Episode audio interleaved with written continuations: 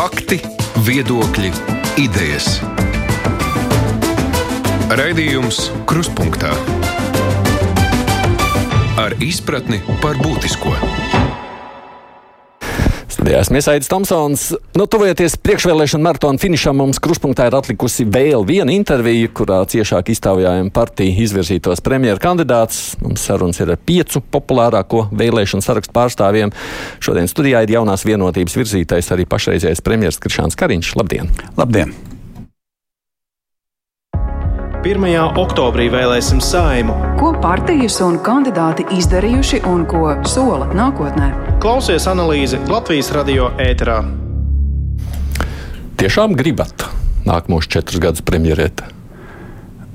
Es esmu gatavs šo darbu turpināt. Tas viss nav manās, bet vēlētāju rokās. Bet gribat? Nu, Es kāpēc to jautāju? Kas tur ir tik pievilcīgs tajā darbā? Un ka viss tā grib kļūt par premjeru? Es pirmkārt neesmu pārliecināts, ja visi saprastu, ko tas darbs prasa, ka viņi tiešām būtu gatavi vai gribētu. Mm -hmm. No mana viedokļa raugoties, tā ir iespēja pozitīvā veidā ietekmēt valsts attīstību. Šos četrus gadus, nu, tūlīt būs pagājuši četri gadi, eh, neskatoties uz krīzes, pēc krīzes faktiski mēs esam dzīvojuši pastāvīgos, pastāvīgos eh, krīzes apstākļos. Neskatoties uz to, mēs esam panākuši reformu pēc reformas un virzījuši konkrētu programmu caur gan valdību, gan saimu. Tātad tā ir iespēja pozitīvā veidā ietekmēt. Tas jau tas, kas man vispār par politiku patīk. Bet ne, jūs sakāt, ka nu, darbs ir grūts, cik es saprotu. Nu, tā varētu domāt, vai ne? Taču nogurst par četriem gadiem, gribas mainīt kaut ko. Nu, cilvēks var arī nogurt pēc nedēļas. Es esmu atradis veidu, kā savu nogurumu pirmkārt izgulēt, otrkārt pastāvīgi vingrojot. Es nejūtos šodien īpaši nogurušāks nekā es biju pirms četriem mm. gadiem. Nērus neprasa? Nu, viss jau prasa, bet jautājums, te es varētu uzdot pretī jautājumu. Nu, pastāstiet man tās profesijas, kas neprasa nervus. Nu, padomāsim par skolotāju, kas katru dienu stāv tur 30 bērnu priekšā, kuri teiksim, tā nevienmēr visi grib vien, vienlīdz e, e, tāpat mācīties vai, vai klausīties. Tas prasa nervus.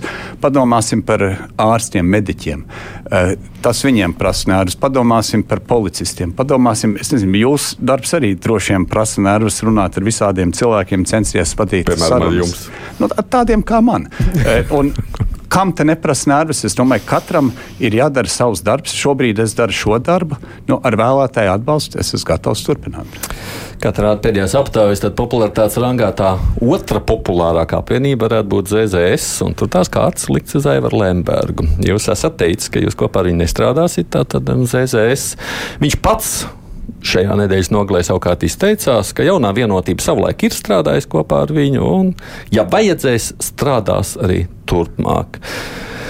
Cik strikts ir tas jūsu nē, ja būs tāda vajadzība?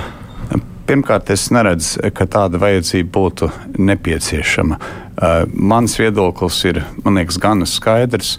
Uh, viņš eh, pats ir ne tikai personīgi sankcionēts, viņš ir izteicies par NATO kā okupantu karaspēku. Eh, viņš ir eh, pirmā instancē notiesāts par korupciju, viņš arī sankcionēts personīgi par korupciju. Es vienkārši neredzu nekādu iespēju šeit sadarboties, bet nu, redzēsim, kāds būs vēlēšana rezultāts. No, nu. Liekas, ka būs vairākas partijas, kuras varētu pārsniegt šo 5% barjeru. Visvieglāk man, protams, būtu turpināt darbu ar esošajiem partneriem. Nu, mēs viens otru labi no, nu pazīstam.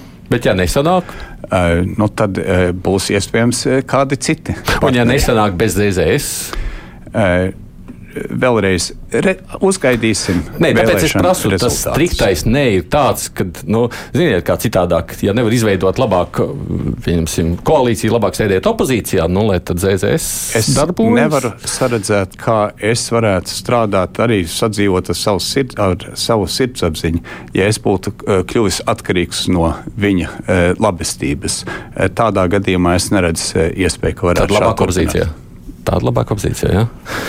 Nu, jūs jau zināt, visus tos 19 sarakstus, vai ne? Kas grib, tur pietiekoši interesanti personāži arī citi, vai ne? Kas tajā visā ir. Ar Krievijas Savienību taču arī ne. Nu, ar visiem šiem saucamiem prokremliskajiem eh, spēkiem tas mums ir bijis. Tajā skaitā saskaņa.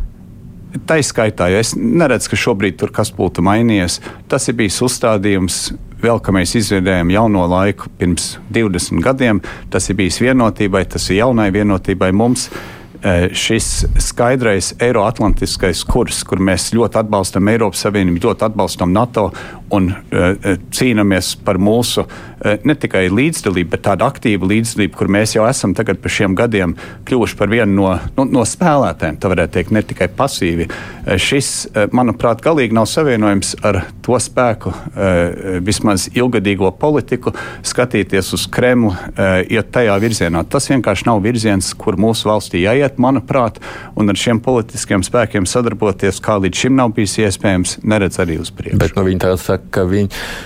Ka viņi vispirms tātad nosoda kādu Krievijā, to mēs zinām. Otrakārt, nu, viņas, nu, viņi mēģina būt tādi centriskāki, kas vieno sabiedrības to daļu, kas ir gatava o, vienoties.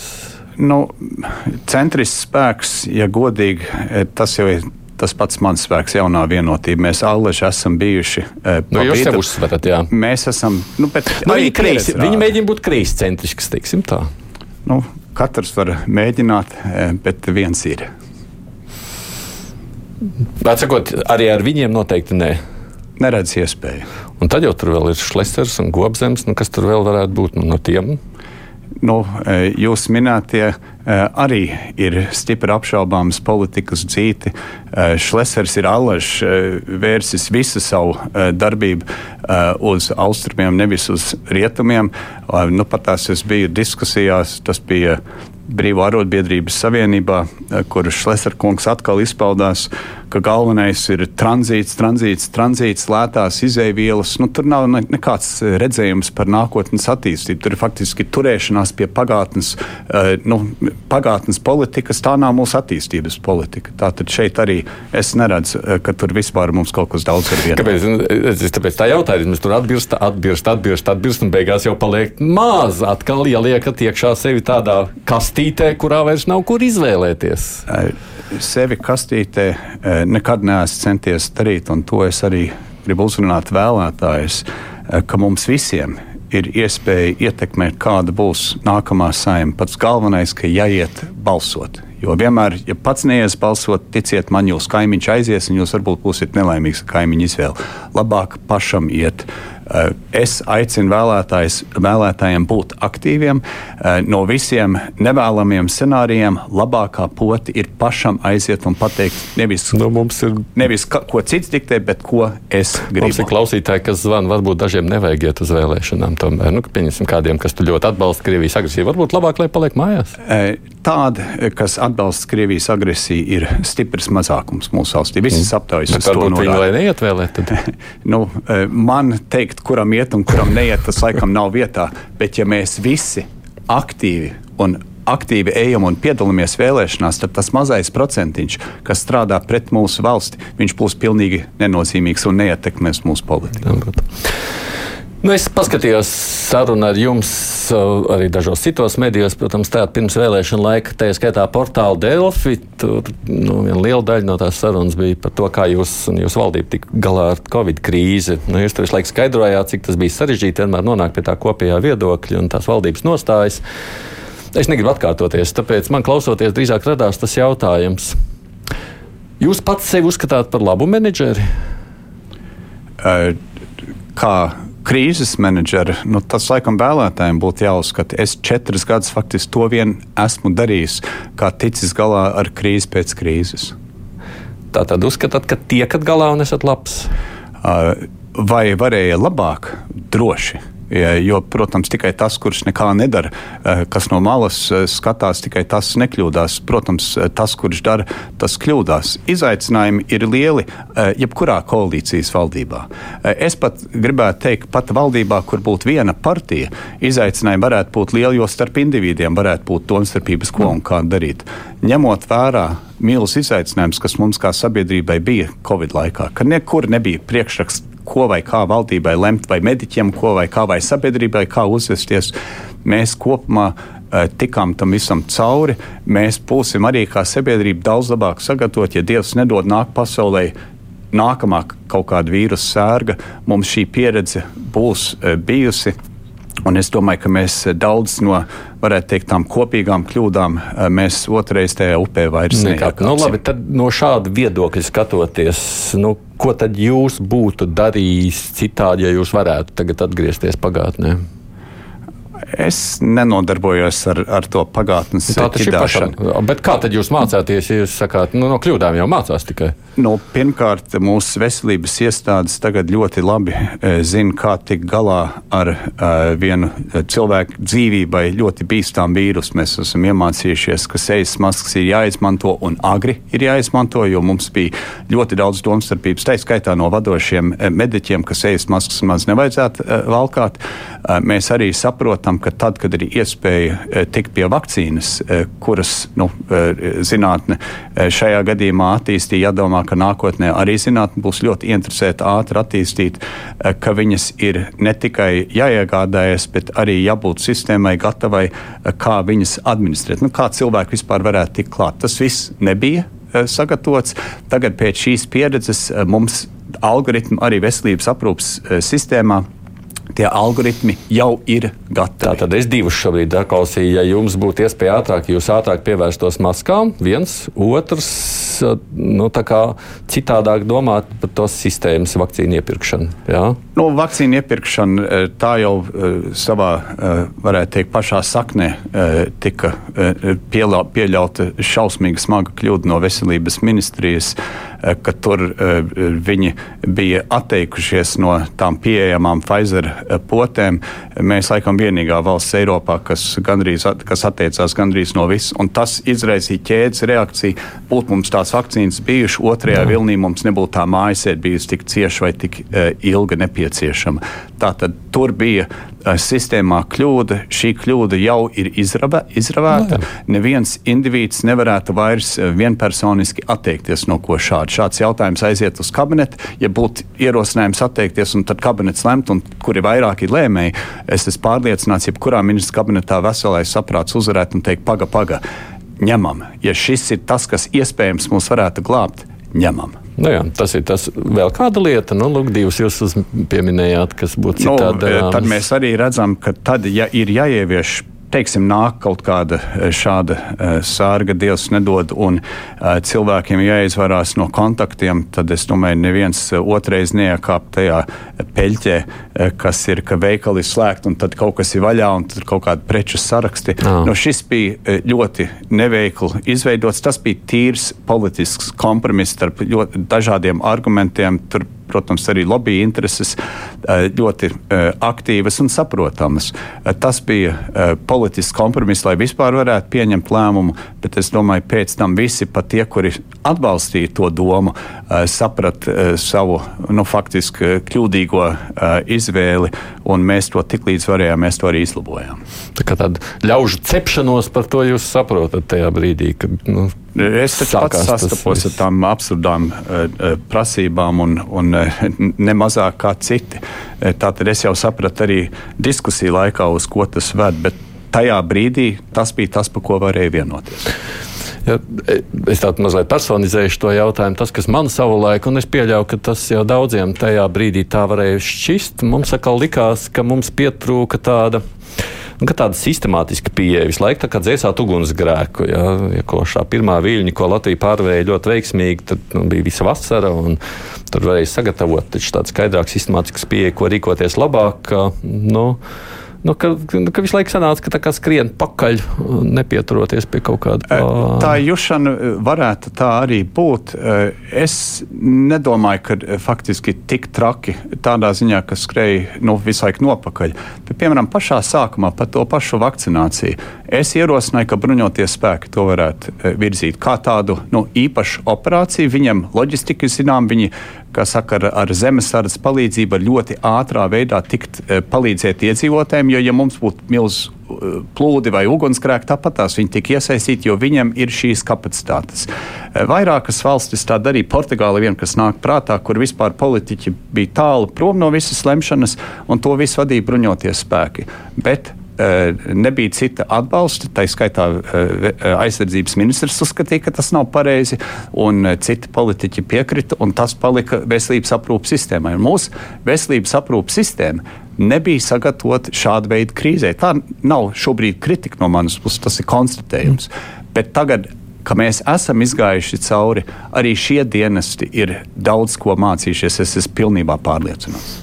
Tātad jūs tajā laikā, kad viss šīs no lēmumu pieņemšanas gāja Covid laikā, tad jutāties vientuļš ar savu domu, ka nu, lūk, jūs gribētu tā, bet vairums tā neatbalsta? Es nevaru teikt, ka es jutos vientuļš, bet, protams, bija vairākas reizes, ka iniciatīva, kuru uh, es izteicu, negūla atbalstu vai negūla atbalstu, uh, uzreiz pagāja uh, kāds laiks. Bet es jau arī esmu cilvēks, es nekādā gadījumā neesmu nekļūdīgs, tiesas sarga. Un mūsu pārvaldes valsts vispār satversme paredz, ka šādās reizēs lēmumu nepieņem viens cilvēks bet pieņem visministra kabinets. Protams, tāpēc, jūs tā, tāpēc mīnus. jūs tā ļoti skaļi nebļāvāt, jo jūs nebijāt droši pārliecināts, vai tas, kā jūs domājat, ir pareizi. E, tas, kā es aizkadrā runāju, tas lai paliek e, arhīvā. Nu, visas uh, diskusijas ir ierakstītas, un gan jau kādien vēsturnieki viņas uh, vēros. Bet es zinu vienu lietu, uh, ka ir krīze. Tad tas visļaunākais, ko var darīt, ir sākt publiski ļoti viens otram pārmest, nu, teiksim, kuģa vadībai. Es esmu centies to nedarīt iznākt ārā ar kopīgo ziņu, padarīt viņu pēc iespējas saprotamāku, apzināmies, ka katrā lēmumā vienmēr ir kaut kas, ko varētu iespējams drusku citādāk, bet galvenais, ka noturēt to kopīgo sadarbību. Tas arī mums ir bijis ļoti svarīgi. Bet tas no otras puses daudziem šķiet, ka jūs tāds, nu, tāds švaks menedžeris. Tie lēmumi reizēm iet un gāja kā pa celmiem, kā jūs te pats pieminējāt, dažas no tām visām sadaļām. Nu, būtu jums stingrāka roka un tāds lielāka autoritāte, varbūt, būtu labāk. Es domāju, drusku citādi. Būtu man eh, lielāks skaits deputātu saimā un būtu man vairāk ministru valdībā, tad man būtu bijis daudz vieglāk rīkoties. Man visu šo sasaukumu, man ir bijuši astoņi eh, deputāti saimā, un blakus man vēl divi ministri valdībā. Ļoti spēcīgi ministri, bet nu, skaitliski tikai divi. Tātad, ja mēs kaut ko izlemtu, ja viņš aiziet uz balsojumu, tur ir tikai trīs balsis mazākums. Tas nozīmē, es esmu bijis spiests ne tikai sadarboties, bet nu, vistiešākā veidā man nav bijis neviena tāda Uh, nu, mm. tāda uh, svira, ka varētu vienkārši uzspiest. Un, ja vēlētājs iedod man lielāku mandātu, Eh, tad, protams, eh, man būtu iespēja eh, nedaudz citādi rīkoties šādos gadījumos. Vienīgais gadījums, kur mums satversme un visas procedūras paredz, ka vara tiek koncentrēta ļoti šaurās rokās, arī no ar, ar, ar ļoti sadalītu kabinetu, ir kara gadījums. Valdība no, mēs pastāvīgi izējām cauri visādiem scenārijiem, vingrinājumiem. Mēs šiem esam izgājuši cauri, mēs esam sagatavoti individuāli un arī, kā, kā varētu teikt, struktūru. Mēs zinām, kā rīkoties tādos ekstremālos apstākļos. Bet tas ir vienīgais tāds gadījums, kur faktiski lēmums, daudz lēmumus var pat pieņemt vienpersoniski e, premjeras. Visi pārējie lēmumi ir ministra kabineta lēmumi. Un jo saskaldīgāk ir saima, jo saskaldīgāks ir kabinets, jo grūtāk e, vienoties jebkuros apstākļos. Un mana eh, tā spēja ir bijusi. Eh, to, to no malas varbūt nav tik viegli pat saprast, kā to, kā to pareizi skaidrot. Vispār tajā kakofonijā noturēt kaut kādu kursu. Jo tas, ko es esmu dzirdējis par šiem gadiem, es esmu redzējis, ka kolēģi reaģēja ļoti dažādos stresa apstākļos. Diemžēl daudzi cilvēki, arī cilvēki pie atbildības, Eh, zaudēt tas, ko es saucu par vēso, vēso saprātu, un jau kļūst eh, ļoti nervozi. Eh, saturēt to visu kopā, tas nav viegls darbs, to katrs nevarētu darīt. Un tie, kas, kas uzskata, nu, e, e, es, es nemainīšu un nevarēšu pārliecināt tie, tos, kuri mani vērojuši četras gadus, es nebūšu nu, uz priekšu citādi. Nu, jā, bet tas, ko nu, mēs redzam arī no kādas citas vēstures, ka līdzīgās situācijās nu, ir kaut kāda lieta, kurā tie viedokļi atšķirība tik liela. Premjeras ir sitis dūrus galdā gāzes, ja santā šantāža saka tā, ja jūs šādi, tad es vispār esmu gatavs kādā brīdī atkāpties. Jūs domājat, ka ja jūs tā rīkotos, jūs vispār izmests no premjerēšanas? Es tā atsevišķās reizēs, tā skaitā, esmu rīkojies. Padomājam par otru vai pirmo krīzi, kur mēs sastapām. Tā bija mūsu finanšu uzraudzības krīzi. Izveidojot valdību, mēs jau bijām situācijā, kur FATF, tas ir starptautiskais nu, uzraugs, draudēja reāli ar to, ka Latvija nonāk pelēkajā vai melnajā sarakstā. Eksperti tagad saka, 10% IKP kritums. Varbūt nebūtu 10, bet būtu šausmīgs trieciens. Man bija jāpanāk, ka sadarbojās ministrijas, un visādi veidi institūcijas. Un tas viss notika, eh, paldies Dievam, aiz slēgtajām durvīm es tur ne tikai savu dūri, e, burtiski sit pret galdu, vienreiz tīri sāpēju pēc tam. E, es arī esmu iztaigājis no telpas, izdams durvis, es esmu visādos veidos draudējis, un gala beigās es panācu likuma maiņu. Ka mēs pieņēmām likumu, ka mēs varējām atbrīvot vienas iestādes vadību, ielikt jaunu vadību un beidzot visu sakārtot. Tā tad es esmu to darījis, un arī Covid pārāk, laikā. Un pārāk bieži tā nedrīkst darīt? Uh, Covid laikā uh, es, es nevaru pat atcerēties to gadījumu, kur man ir bijušas. Nu, Maigi izsakoties, ļoti asas doma apmaiņas, īpaši ar, ar veselības ministru, pirmo veselības ministru īpaši. Tātad tas, ko, ja, ja to neredz, tas labi vai slikti, to es nezinu. Jo man arī ir visu laiku tā atbildība nevis izcelt domstarpības, bet izcelt lēmumus pēc tam, kad domstarpības ir pārvarētas. Un cik reizes es esmu uh, nu, tā, uh, to dūri sitis. Es atceros vienreiz, kad tiešām sāpēja pēc tam. Es domāju, tieši tā kā filmā, nu, kādam iedod, ne, nu, nu, sadod, un tad pēc tam rokas sāp. Es laikam neesmu tik pieredzējis, tik diktis pret galdu, bet tas bija. Uh, izrādās, uh, atsevišķās reizēs tas var būt ārkārtīgi efektīvi, bet es esmu Visu, ko es esmu darījis, ar, es esmu centies ar labu. Es esmu pēc vajadzības arī nu, daudz uzstājīgāk. Man, varētu teikt, rakstura nu, tā, tas diapazons ir kā jebkuram gana plašs. Nu, te arī klausījos, es skatos, kas nāk mazliet no vēstulēm, bet klausītāji ir jautājums par bijušo labklājības ministru Petrāviču toreiz, un tajā laikā arī daudz sacīja, ka viņi netiek galā ar pienākumiem. Uh, Bet tur jūs neko nedarījāt, ļāvāt viņai turpināt ministrēt līdz pat beigām. Tur jums bija pašiem savas rezolūcijas saistībā ar to, ko viņi tur nav izdarījusi. Es pansionātiem tur bija valsts kontrolas atzinums, JKP prasīja, toreiz draudēja prasīt demisijas, demisiju apzīci, man šķiet arī prasīja. Tur bija daudz saslimušotais pansionātos un arī citas lietas. Gaidīja no jums arī tur atsāku reakciju. Uh. Es pilnībā piekrītu, ka, ja, ja, ja sākt atcerētos vienu gadījumu, otru gadījumu vai trešo gadījumu, es piekrītu, ka, ka būtu pareizi es vai kādi citi arī rīkoties dažādi. Tajā pašā laikā, eh, tajā laikā koalīcija sastāvēja no pieciem politiskiem spēkiem. Eh, sabalansēt piecus politisko spēku intereses ir. Nu, teiksim, tā, tas jebkuram cilvēkam ir milzu izaicinājums, jo atcerieties, uh, valdība turas kopā tikai tad, ja turās visa koalīcija kopā.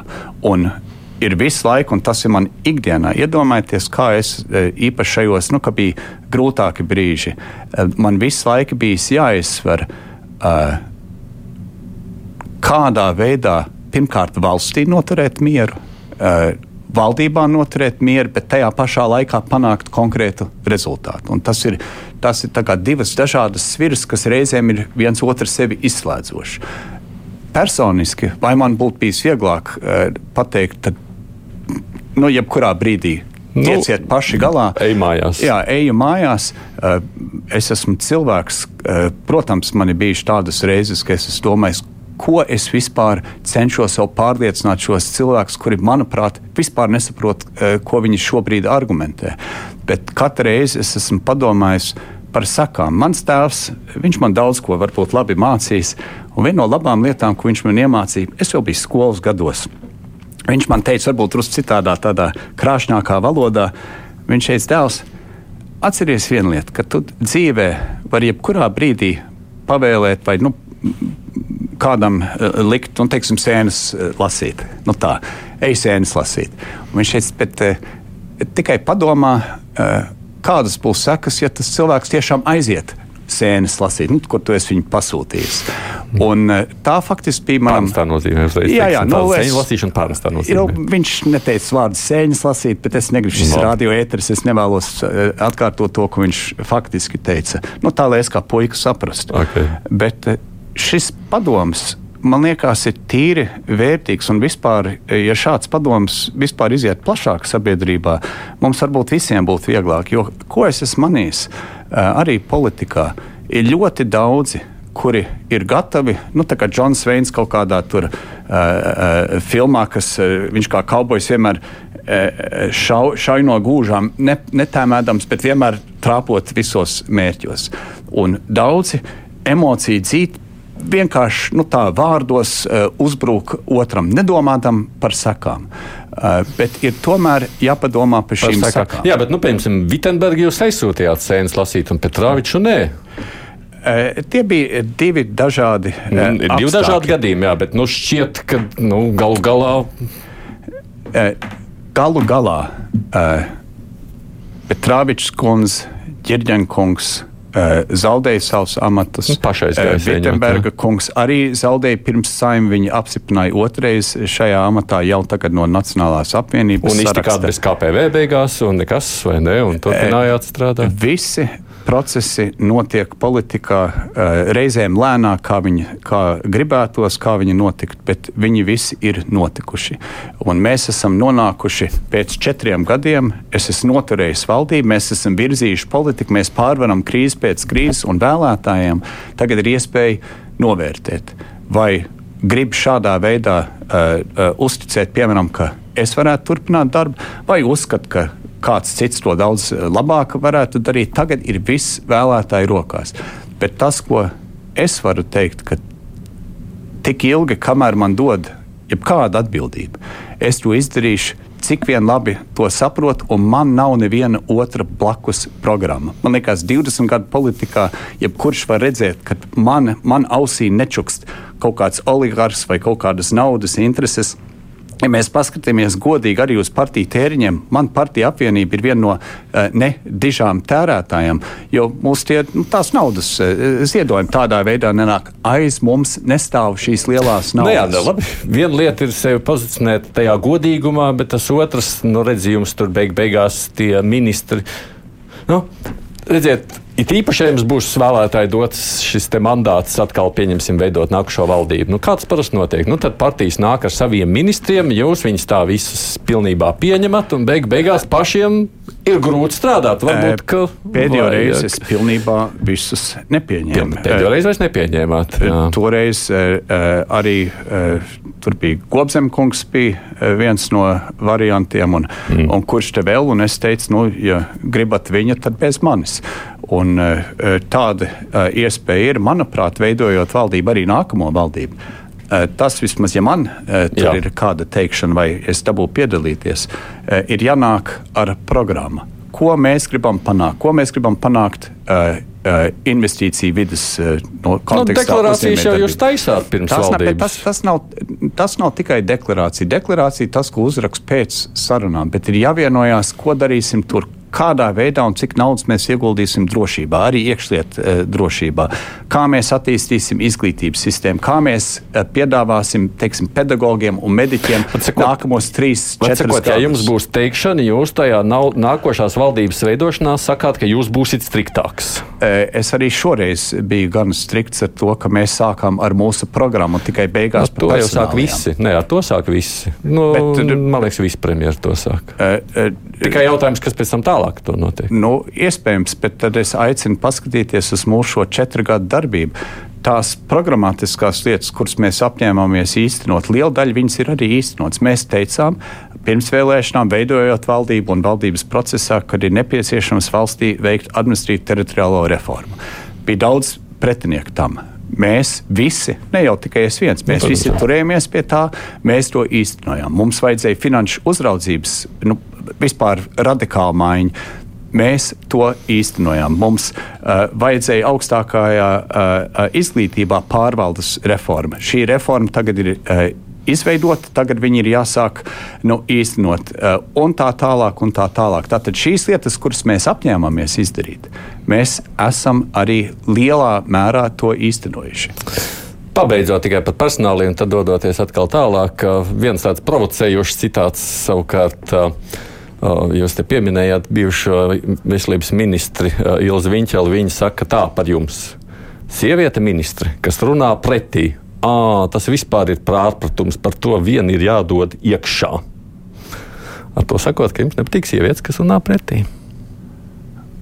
No, es atvainojos pret Viņķels kundzes prokuratūru tagad strādā. Eh, tur eh, es vispār to nevēlos tālāk komentēt. Eh, otrakārt, nu, jūs nu pat tās uzdevāt jautājumu par citu sievieti ministru un man pārmet, kāpēc neatlaid. Jā, kāpēc nerunājat par tiem? Var, var, var, var pagriezt otrādi. Es nekad, tas arī man no bērnības laikam iemācīts. Es uzaugu ģimenē, kur man ir ār, ārkārtīgi nu, spēcīga māte raksturā un, un visādā ziņā.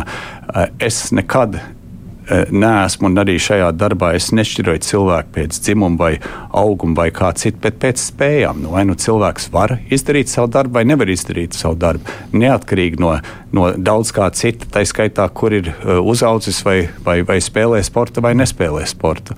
Ir jāskatās, vai cilvēks spēj savu darbu izdarīt. Un ir piemēri, diemžēl, kas nonāk šādos amatos, ir cilvēki, kuri netiek, netiek ar saviem pienākumiem galā. To tomēr var attiecināt uz Petrāviču. Es domāju, ka es palikšu pie tā, ka viņa šobrīd vairs nav ministra. Nu, vienīgais, jūs visu laiku atsaucaties uz savu tēvu un māmu un bērnību, tad jāpajautā to, ko man klausītājs zvanīja pirms raidījuma, lai es jums pajautāju, ka jūs savukārt pēc kļūšanas par premjeru ievēlēšanas esat sacījis intervijā, ka tēvs esot jums mācījis nekad nemelot. Viņš prasīja, kā tad, lai es pirms pajautāju, par cik procentiem jums tas esot izdevies. Es aizvien nespēju melot. Tēvs man mācīja ļoti elementāri. Viņš visi citi vecā māte, baznīca, latviešu skolā, nu, tur no morāla ētiskā viedokļa, kāpēc tas ir nepareizi vai grēks melot. Mans tēvs man to daudz vienkāršāk paskaidroja. Viņš teica, dēls, nevajag melot. Es jau kā puisis saku, nu, tēt, kāpēc?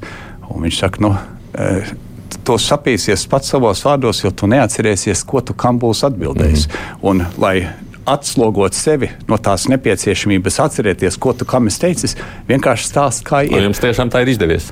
Uh, es neredzu, kur es būtu uh, melojis. Es vienmēr cenšos dzīvot pēc šī ieteikuma, kas man arī no, no bērnības ir palicis atmiņā. Jāsaka, spilgtāk nekā jebko, ko viņa māte, kas bija mana aukla, uh, nekā tas, ko viņa būtu šajā jautājumā jebkad teikusi. Atgādini tikai šeit mums ir ministra prezidents, bet mēs viņu intervējam šajā reizē kā jaunās vienotības izvirzīto nākamo iespējamo premjeru Krišāns Kariņš šeit studijā. Raidījums Krustpunktā. Par Covid laikiem skatoties, tomēr atgriežoties visām tām sekām. Nu, tā statistika un skaitļi liek domāt, ka biznesa savukārt Latvijā cietis vairāk nekā Lietuvā un Igaunijā. Nu, kāpēc tā? Es neesmu pārliecināts, ka statistika par to liecina. Es zinu, viena, ka mūsu bezdarba līmenis uh, neuzauga un ka mums bija starp 50 un 60 tūkstoši cilvēku, kuri tā vietā, lai aiziet bezdarbniekos, aizgāja tīkstāvē, kur mēs viņiem maksājām. Kopējais atbalsts ekonomikai bija milzien, milzīgs naudas izteiksmē. Uh, tagad ir savilks kopā Finanšu ministrijā vairāk nekā 3 miljardi pa tiem pāris gadiem. Mēs ieguldījām naudu lai ekonomika varētu pārziemot. Un pēc visiem rādītājiem, īpaši pēc bezdarba rādītājiem un eksporta rādītājiem, eh, mums šis izdevās. Arī skatoties, kas šobrīd notiek, mūsu Latvijas banka tagad ir aplēsusi, ka mūsu kopējais gada pieaugums būs nedaudz lielāks nekā viņi domāja pirms diviem, trim Jā, mēnešiem. Tāpat salīdzinot, skatoties, nu, pieņemsim, es jau mazliet arī palūkojos skaitļos. Svetbanka, piemēram, nesen bija publicējusi apkopojumu Latvijā cilvēki tērē vairāk nekā Lietuvā un Igaunijā pārtiks iegādēji, algas mums ir mazākas, nodokļi vislielākā, nomakļu, nodokļu nomaksas ziņā mēs atpaliekam, un tas tiešām bija apkopējums par visām Baltijas valst, valstīm. Tā nav jūsu valdības atbildības nasta. Tā ir mūsu visu atbildība. Mums ir struktūrāla atpalicība no Lietuvas un Igaunijas. kā es to saredzu, tā struktūrālā atpalīdzība ir kā 10, 15 gadu garumā, kur valdība pēc valdības nevarēja īstenot nepieciešamas reformas, kaut vai tā paša administratīva teritoriālā reforma. Ja mēs runājam tagad tīri politiski, ZZS kā politiskais spēks vienmēr iestājās pret šīs reformas īstenošanu, skatoties, manuprāt, uz savu nu, iespējamo politisko labumu, ka labāk eh, saskaldīt administrāciju, bet ļoti daudz mazi novediņi ar, eh, ar, ar, saka, ar, ar priekšniecību, kas ir viņa politiskā apvienībā, neskatoties uz to, kas valstī nepieciešams. Tajā pašā laikā Lietuvā, Igaunijā sen jau izgājušiem procesiem. Mums skola reforma, skola tīkla, atkal kaimiņi ir vienkārši mums priekšā, jo viņi arī veic šo administratīvo reformu. Tātad mēs esam zaudējuši, es uzskatu, ka mēs esam stabili zaudējuši kāds desmit gadus. Un tas ir tajā faktā, ka agrāk nevarēja valdība, valdība pēc valdības nevarēja vienoties īstenot reformas, jūs, ko mēs part... šajā ne. laikā esam veikuši. Bet jūsu partija ir iekšā bijusi koalīcijās daudzus gadus? Piekrītu. Es neesmu e, tajās valdībās bijis, un manas valdības laikā šīs reformas ir īstenotas. Un tas nav tikai mans nopelns, tas ir visas šīs koalīcijas nopelns. Un, e, es gribu e, arī, lai tas paliek izteikts, ka mums ir bijušas ar koalīcijas partneriem laika gaitā dažādas domstarpības. Nu, ne tikai perspektīvas personālī, bet arī eh, tīri ideiskas. Bet mēs esam katru reizi pārvarējuši šīs domstarpības, lai īstenot tos virsmēķus, par kuriem mēs varējām vienoties. Tā izskaitā šīs struktūrālās izmaiņas, kas nākotnē dos mums, un tagad jau dod mums iespēju, varētu teikt, panākt mūsu kaimiņus. Investīcijas gadu pēc gada nenāca iekšā. Kāpēc? Eh, tā skaitā jums bija šausmīgi slikta reputācija, starptautiska reputācija, ka te uzskatīja, ka te ir pilnīgi korumpēta valsts, kur nevar ieguldīt naudu. Tas ir izmainījies. Tagad mums investīcijas nāk iekšā, un mūsu eksports ir tādos augstumos, kāds viņš nekad agrāk nav bijis. Pašā laikā jūs nevarat noliegt, ka, pieņemsim, arī Covid laikā pat ar visiem tiem saslimstības rādītājiem, kādi bija Lietuvā un Igaunijā, tur biznesa nebija tik cieta, aizvēries ciet un atklopās krietni ātrāk pēc pandēmijas. Šķiet, nekā mums skatieties uz viesnīcu jo. noslogojumu, uz apgrozījumu, uz peļņu. Viņi nebija atteikušies uh, no. Uh, vakcīnām sākotnēji. Un tur ir visa starpība valstīm, kas ātrāk tika cauri ar mazāk ierobežojumiem, un mums mūsu veselības sistēma pieņēma tik smagi kļūdainu lēmumu, eh, neinformējot pārējo valdību, vispār neinformējot, ka tāda iespēja pastāv, eh, ka, ka tas ir iegriezis visai, eh, tas iegriez visai ekonomikai. Jūs šo visu norakstāt uz viņķels kļūdu? Es šobrīd, lai tur citas instances konstatē, kurš vai kuri ir vai nav vainīgi. Es zinu tikai vienu.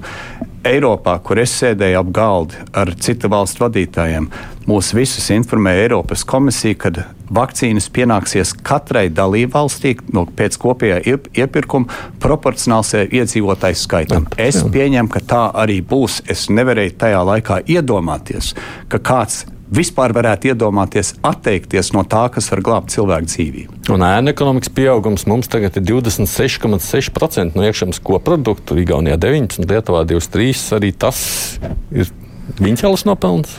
Nē, ēna ekonomika tā ir, tā ir grūtība, no kā mēs aizvien nevaram atbrīvoties. Ir vairāki iemesli tam, ne visas. Es domāju, neviens no pētniekiem, es, nu, dažādi tie pētījumi, kas noliek kaut kur procents starp 20 un 25, 26%. Liels īpatsvars jebkurā gadījumā. Mums tas samazinājās iepriekšējos pēdējos gadus, un tagad pēdējos 3-4 gadus kopš jūs esat premjerministrs auga nu, viņš ir audzis eh, krīzes eh, apstākļos. Jā, pandēmijas apstākļos. Un eh, tas, ko mēs esam darījuši, mēs arī saprotam, ka viens no iemesliem vai tā ēna ekonomikas veicinošiem faktoriem ir nodokļu sloks īpaši uz zemākām algām. Un mēs esam četras gadus pēc kārtas budžetos mēs samazinājām nodokļu slogu kopējo īpaši uz zemām algām, paaugstinot neapliekamo minimumu, paaugstinot minimālo algu un mazinot sociālo nodokli. Eh, tas viss eh, summējās ar to mēs jau salīdzinām ar Latvijas bankas palīdzību mūsu algu likums salīdzinājumā Lietuva un Igaunija. Mēs pirms četriem gadiem bij, bijām ļoti nekonkurētspējīgi. Tagad mēs esam tuvu, bet vēl mēs neesam pilnībā tur. Grūtība, kas mums šobrīd ir ar nodokļiem, ka tagad mēs esam jau nākamajā krīzē, varētu teikt, tādā cenu krīzē, energo krīzē. Nu, kurš kuru dzen. Šādos apstākļos īpaši radikāli mainīt nodokļu sistēmu nav prātīgi. Nodokļu sistēmas vajag grozīt tad, kad ir mierīgākie apstākļi, bet tiklīdz mēs varēsim, mums būs jāturpina šajā virzienā. Viens gan, kas es uzskatu, kas mums būs jādara, ir jāpaaugstina minimālā alga ar 23. gadu diskusiju tikai, manuprāt, nevis vai, bet par cik. Uh, un tur būs svarīgi, ko domā ne tikai darba ņēmēju uh, pārstāvniecības, arī darba devēja pārstāvniecības, jo mums ir jāmēģina atrast pareizais līdzsvars starp vienkārši nepieciešamība celt šīs minimālās algas, inflācija un, un vispārējā iemesla dēļ. Tajā pašā laikā tas ir pasākums, kas veicinās to pašu ne, inflāciju. To es visu saprotu, bet nu, redz, visticam, ne, nu, tur nav ko ticamāk. Skaidrs droši vien ir tā, ka viss šī biznesa vēršana pandēmijas laikā, protams, lika vienai daļai pāriet, tīpaši pakalpojumu sfērā, pelēkajā sfērā. Tur jau mums tas ēna ekonomikas īpatsvars droši vien arī pieauga. Tas ir tas jautājums, vai mēs neesam bijuši Jums tiešām ne, neiezog šaubas, nu, mēs neesam bijuši pārāk mm, strikti, varbūt, bet kaut ko neesam izdarījuši tā, ka esam ekonomiski ļāvuši valstī iet. Uh, Aplama. Protams, mēs kaut ko nedaram pareizi. Kur īstā vaina arī šie pētnieki nevar norādīt, nomaina viens, divi, trīs lietas un viss, viss izmainīsies. Tas ir arī sabiedrības vai viena daļa sabiedrības kopējā nostāja, ka viena daļa sabiedrības šķiet aizvien uzskata, ka nodokļu nomaksa nav kaut kas labs vai vēlams. Un tajā pašā laikā, ko mēs redzējām Covid laikā, ka mums bija jāsniedz atbalsts cilvēkiem bija gaužām viegli pieņemt lēmumu, kas skar 80% darba ņēmēju. Nu, jo balstoties uz viņu iemaksātiem sociāliem nodokļiem un tā tālāk, atbalsts viņus atrada, jo viņi bija, varētu teikt, sistēmai redzami. Bet tā piektā daļa vai ceturtā daļa, vai cik tur liela, kura strādā vai liela daļa savu, savus ienākumus neuzrāda valstī, tad valsts arī neredz viņiem palīdzēt. Tur ir bijusi ļoti liela neapmierinātība. Bet vēlreiz, nu, ir, ir ļoti grūti eh, pār, pārlaust arī ieradumu, eh, kur viņš eh, arī pārlaužās. Mēs redzam, kad notiek šīs te, no nu, tā, tie, tās vienošanās, piemēram, būvniecības nozarē pēc visiem karteļu skandāliem ir bijusi liela vienošanās uh, starp būvniekiem un valsti par to, kādā līmenī tagad maksās algas piepaceļot algas, izskaužot ēnu ekonomiku arī no būvdokumiem, kur jābūt katram reģistrētam un tā tālāk. Tātad, kad nozares var vienoties un nāk pretī valstī, vi, pakāpeniski mēs šo varam izskaust. Bet es to saistu ar vienu fenomenu, kas mani tiešām uztrauc. Un tas ir tas, kas mums nemainās, cik es saprotu no aptaujām, viņš gadiem, gadiem nemainās. Kad mūsu sabiedrībā uzticība valsts pārvaldei ir ļoti, ļoti zema. Mēs uzticamies, un paldies Dievam, mūsu bruņotajiem spēkiem, mūsu policistiem, eh, skolotājiem un tā tālāk, un vismazāk uzticās politiskām partijām, saimai, valdībā un tā. Mm, uzticība ir jānopelna, vai ne? Uzticība ir jānopelna, bet es domāju, tur ir arī kas dziļāks, ka mēs eh, tas, ko šie te, eh, pētījumi neuzrāda, ir cik mēs faktiski uzticamies viens otram. Un mūsu valstī jāatrod veids, man nav tā. Nevienam jau, es neesmu dzirdējis no neviena tādu maģisko recepti, mm -hmm. kā to izdarīt. Bet mums ir jāpanāk šī uzticēšanās, tās savstarpējā uzticēšanās pieaugums. Kā valdības vadītājs, es esmu centies darīt visu arī nu, no savas puses, lai valsts pārvaldei varētu vairāk nekā mazāk uzticēties. Un, nu, tad atkal redzēsim tūlīt eh, sestdien, ko cilvēki eh, domā šajā ziņā, bet šis ir viens no, tā ir viena no bremzēm, kas faktiski mūsu valstī ir. Ja ja mēs neusticamies valsts varai, eh, tad jau liekas eh, vieglāk arī, nu, piemēram, nemaksāt nodokļu, jo valsts var ir tā, kas pārvalda. Tur nav ko žēloties. Uzcīvi jau, kā es vēlēju saku, to, ja mēs beig beigās paši vien veidojam, tad nekas cits nenāks. Vienkārši klausoties un skatoties uz daudzām lietām, kas notiek apkārt, reizēm šķiet, nu, bāc, mums viss notiek lēni, mēs netiekam uz priekšu. Es, es jau sagatavoju vairākas tās lietas, piemēram, mājokļa siltināšana. Atceros, 2008. gads Dombrovskis teica, nu, šis būs tas, kas mūs izvedīs izvedīs no krīzes ārā. Ir 15 gadi pagājuši. Kādi tie pļaunieki izskatījās, tādi viņi izskatās. Nu, mēs netiekam, mēs, mēs muļļājamies. Es tam nepilnībā piekrītu. Uh, ir arī ļoti daudz kas atkarīgs no vietējās varas. Piemēram, Rīgā to pašu siltināšanu. Uh, gadu gadiem ilgi Rīgas pašvaldības vadība eh, šķiet nebija interesēta eh, šo programmu īstenošanā. Tajā pašā laikā, braucot ārpus Rīgas pa citiem uh, centriem, mēs redzam, ka ļoti daudz mājokļu ir siltināti. Tātad tur, kur ir vēlme, mēs ļoti daudz ko varam izdarīt. Un mums valstī tagad izrādās, mums ir atsevišķi sektori, ko nu, tie, kas strādā to, tie ļoti labi apzinās, daudzi varbūt neapzinās. Bet mūsu eksports šobrīd dzen tā saucamais intelektuālais e, eksports, elektronika, e, e, informācija, tehnoloģijas un tā tālāk. Un šī nozara viņi attīstās un attīstās naudas ziņā, cilvēku nodarbinātības ziņā, un ka es esmu devies pie šādiem uzņēmējiem, ir pavisam cita mm. aina. Viņi, neviens, es neesmu dzirdējis no viņiem, viņiem, ka kaut kas tādā ziņā būtu slikti vai mums ir slikta sistēma, bet mēs pārāk bieži eh, eh, kā sabiedrība arī koncentrējamies ka, nu, uz šo veco stāstu, ka viss ir slikti. Es pats uzskatu, ka nav viss tik slikti. Es uzskatu, ka ir ļoti daudz kas vēl darāms. Bet ir jābeidz, nu, vai es, es aicinātu domāt tā, ka kāds no augšas nevar vienkārši ar vienu lēmumu atrisināt visas problēmas. Ir jāstrādā katram posmam. Arī pašvaldībām ir atbildība. Un tur pašvaldības, kas ar to pašu siltināšanu, nu, kas to ir gribējušas, tur viss tur, ir gājis uz priekšu. Tur ir nevar kā reizēm gribētos. Darbs nenotiek, protams, arī savstarpēji, bet tas jau ir atsevišķs sarunas temats. Un ar šo krīzi mēs tiksim galā. Nebūs atkal mm, problēmas ar aizbraukšanu un tā. Es domāju, runājot par enerģētisko krīzi. Esmu pārliecināts, ka mēs tiksim galā, galā un es esmu pārliecināts, ka visas krīzes agri vai vēl viņas arī beidzās. Svarīgi šajā krīzē mēs jau esam pieņēmuši lēmumus, mēs pieņemsim papildus lēmumus rītdien valdības sēdē.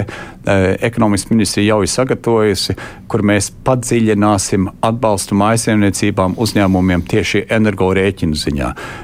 Atbalsts Covid laikā, divu gadu laikā kopējais atbalsts pārsniedz 3 miljārdus. Ar gaidāmo rītdienas lēmumu eh, šis atbalsta apjoms uzaugs eh, pēc agrīnām prognozēm virs 1 miljārdu. Tā, tas būs ļoti plašs, tiks ieviestas. Nu, es, es varētu tagad izstāstīt, kas ir gaidāms. Tur labāk, lai ziņām paliek, kad, kad, ir, kad, kad ir, kad ir pieņemt lēmumu, bet mēs padziļināsim atbalstu un tieši ar mērķi, lai samazinātos rēķina apjoms, lai viņš būtu inflācija uh, samazinošs, nevis inflācija vairojošs pasākums. Un arī būs mērķēts elements, ļoti labs mērķēts elements. Man tagad ir septiņas minūtes, palikuši pat mazāk, tāpēc es mēģinu saprast, ka no tā viss pajautāt. Es pajautāšu to, kas droši vien nav galīgi tas svarīgākais jautājums, bet, bet ļaudīm tas interesē. Kāpēc Dombūrs ir izklaidis šos? Kā jūs to saprotat? No, es, tā, es, es viņu tā saprotu, un, un ir cilvēki, kuri man droši vien piekrīt, un ir cilvēki, kuri nepiekrīt. Man jau liekas interesanti, ka tas jau ir kļuvis šķiet par tādu sarunas jautājumu. Jūs arī šobrīd nu, nu, uzdodat. Nu, tāpēc, ka jā, nu, Dombūrs regulāri sūdzās, ka jūs pie viņa nenākat. Es tur nostājos vienu interviju 19. gadā, kur jūs tur bijāt sarūknāts, ka jūs jūsos neieklausoties un sagrozot teikt to. Nezinu, vai tā bija tā pēdējā reize. Vienkārši jūs Nejūtaties sērti ar viņu sarunā? Jebkura valdības vadītāja pienākums ir informēt sabiedrību par lēmumiem, skaidrot procesus. Es regulāri nāku uz šo raidījumu. Es esmu eh, šo četru gadu laikā Es neesmu pat mēģinājis saskaitīt, nu, tur būs simtiem e, nedēļā, vidēji e, trīs, četras reizes nedēļā stabili. Nu, ja, dažādos ja medijos iet, jā, bet nu, uz kādiem atsevišķiem neiet. Es varu saprast, e, ka viens otrs var justies sarūktināts, ja es neesmu bijis, bet es uzskatu, ka tas pienākums nav piedalīties vienā vai otrā raidījumā bet ir skaidrot savus lēmumus. Tāpēc arī šodien tā, esmu šeit. Tur ir tas cilvēciskais moments. Nu, protams, es varu jautāt arī jautājumu, ko es arī sev varu uzdot, kas ir, protams, provocējošs un droši vien no žurnālistu viedokļa aktuāls jautājums, vai politiķim ir pienākums runāt tik vienu kas strādā plašsaziņas līdzekļos, nu, lai arī ko jūs par viņu domājat un kā viņš pret jums izturētos. Protams, tas jautājums ir aktuāls. Bet kā jums šķiet? Es uzskatu, ka politiķim ir jārunā un jāskaidro. Ar ikvienu. Un ar ikvienu. Arī ar Domburu. Protams, un es arī esmu atvērts. Man nedēļā stabili ir vismaz divas pilnībā atvērtas preses konferences, kur nāk visdažādākie žurnālisti. Tagad mēs visi, protams, Webeksā nav pat jānāk fiziski uz Rīgas vai ministru kabinetu, kur var uzdot jebkuru sev interesējošu jautājumu. Par šiem gadiem tie jautājumi bijuši vis, visdažādākie, arī tādus, kurus varētu uzskatīt par provocējušiem. Es strādāju, es skaidroju, es tā turpināšu, ja man dod iespēju tā arī nākotnē. Nu, ko es vēl varu pajautāt? Precizēt vienu līniju. Lai saprastu, kāda ir jūsu personiskā nostāja, vienotības, jaunās vienotības nostāja, tad cik tālu jūs esat, lai klausītāji zinātu par geju tiesībām? Kur novilkt to robežu tajā jūsu partiskajā tajā vērtības skalā? Es uzskatu, ka valstī nav jāiesaistās cilvēku uh, seksuālā uh, orientācijā. Tas ir katra cilvēka uh, paša dzīve, paša lēmums. Galvenais, ka valstī jānoregulē tiesiskās attiecības starp cilvēkiem. Un, ja cilvēki dzīvo kopā kā ģimene, Un te ir runa, vai viņi ir uh, vīr, saka, vīrietis un sieviete vai, vai vienzimuma pāris. Es uzskatu, ka tur nav nekāda atšķirība. Mums valstī ir nepieciešams regulējums, kas nosaka, piemēram, ja ir uh, nu, nāves gadījums, kas notiek vai nenotiek mantošanas gadījumā, kādas tur varētu būt cilvēkiem tiesības.